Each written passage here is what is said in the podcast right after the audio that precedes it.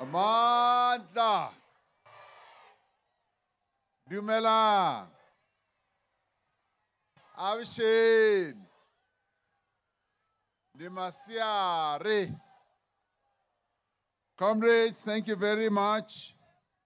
Mine is a very short one because what we are here for is to deliver a message of support because the president of COSATU, Comrade Zingi Swalosi, is going to deliver the main message of the day. Comrades, it's an honor and a privilege for us as COSATU, as the ANC rather, to have this opportunity to address you. But, and I extend my greetings to the leadership of COSATU, of the SACP, and the ANC. And without wasting much time, let us take a minute to remember the 51 workers who tragically lost their lives on the 1st of May in 2003. When I arrived this morning, I went to Solplaiki Dam to go and pay my own respects to those comrades who passed away. I was also particularly pleased that their families were there as well. And I also had an occasion to meet some of the survivors. We dip our heads in honor of those comrades and we continue to, con- to extend our condolences to their families and we honor their families for the manner in which they have accepted this. And I also want to thank them for continuing to work with COSATU as well as with the government of the Northern Cape, as well as the Free State. Comrades, it is a sad moment for us as we went there and we saw the memorial stones uh, littered all over. But we also have to pay tribute to the one person who was able to save some of the workers, and I believe that he is here as well. Workers in our country and across the world have fought over many years for the right to gather, to celebrate the achievement that they have won over many years of working together.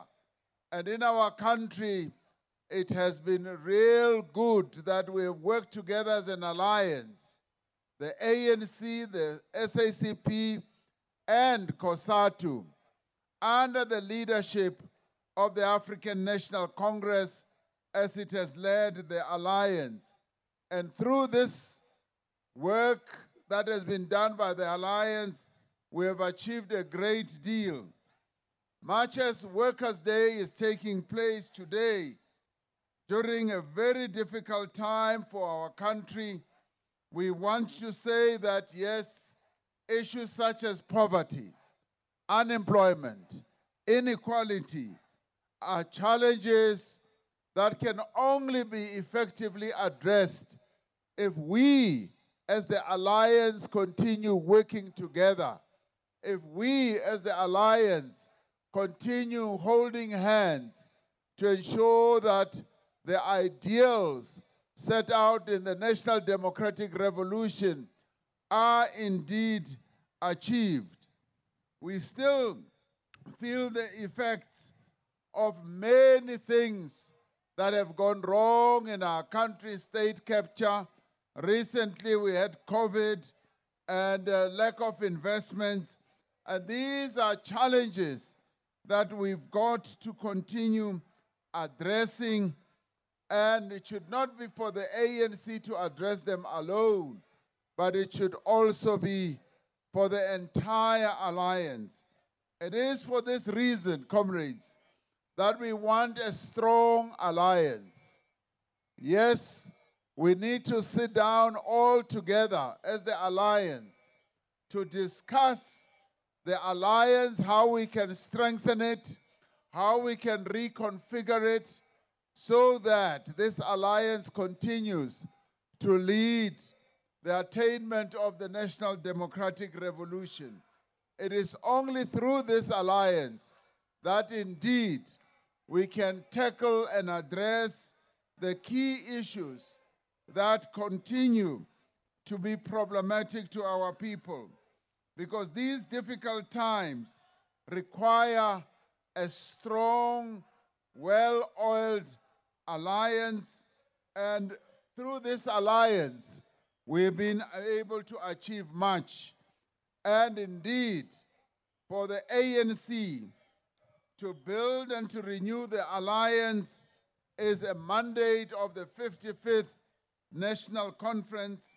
And we know only too well how easy it would be to derail the national democratic revolution and the transformation of our country without a strong, vibrant, and functioning alliance working as the progressive bulwark.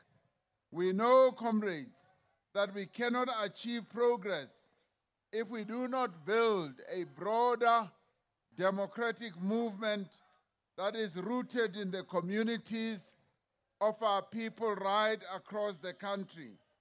Therefore, the alliance for itself must accelerate and strengthen our work to ground its structures and cadres in the communities where any one of the components of the alliance shows weakness. Collectively, we must work together to strengthen the alliance.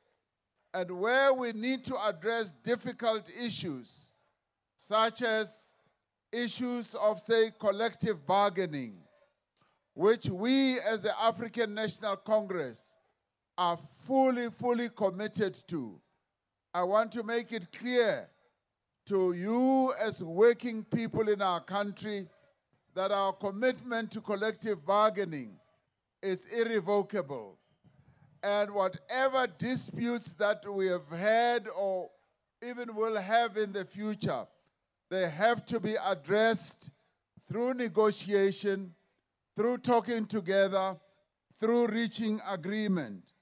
That is the commitment that we as the African National Congress will put forward.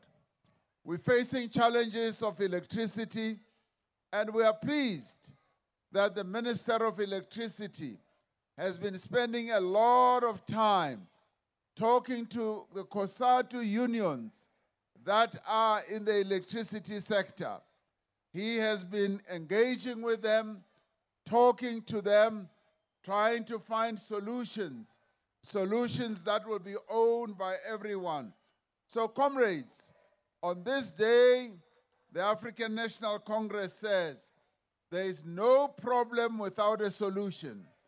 And we are committed to ensuring that whatever problems we have, whether it is problems in the alliance, whether there are problems within the government sector, whether it is problems between unions and their employer, that government for that matter, all those problems can be resolved together when we work together.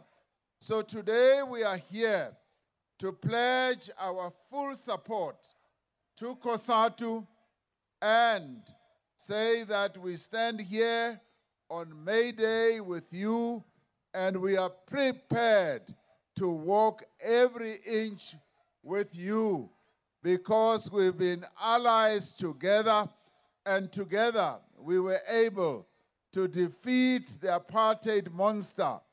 There are other monsters that we've got to defeat and to slay unemployment, inequality, and poverty. It is when we work together that we will be able to, yes, destroy those monsters. With those words, comrades, we say to all the workers in our country, have a wonderful May Day the African National Congress is with you. Amandla! Awethu! Amandla! Awethu! And that, of course, uh, President Cyril Ramaphosa, as president of the ANC, addressing the National Workers' Day commemoration taking place in Bethlehem in the Free State.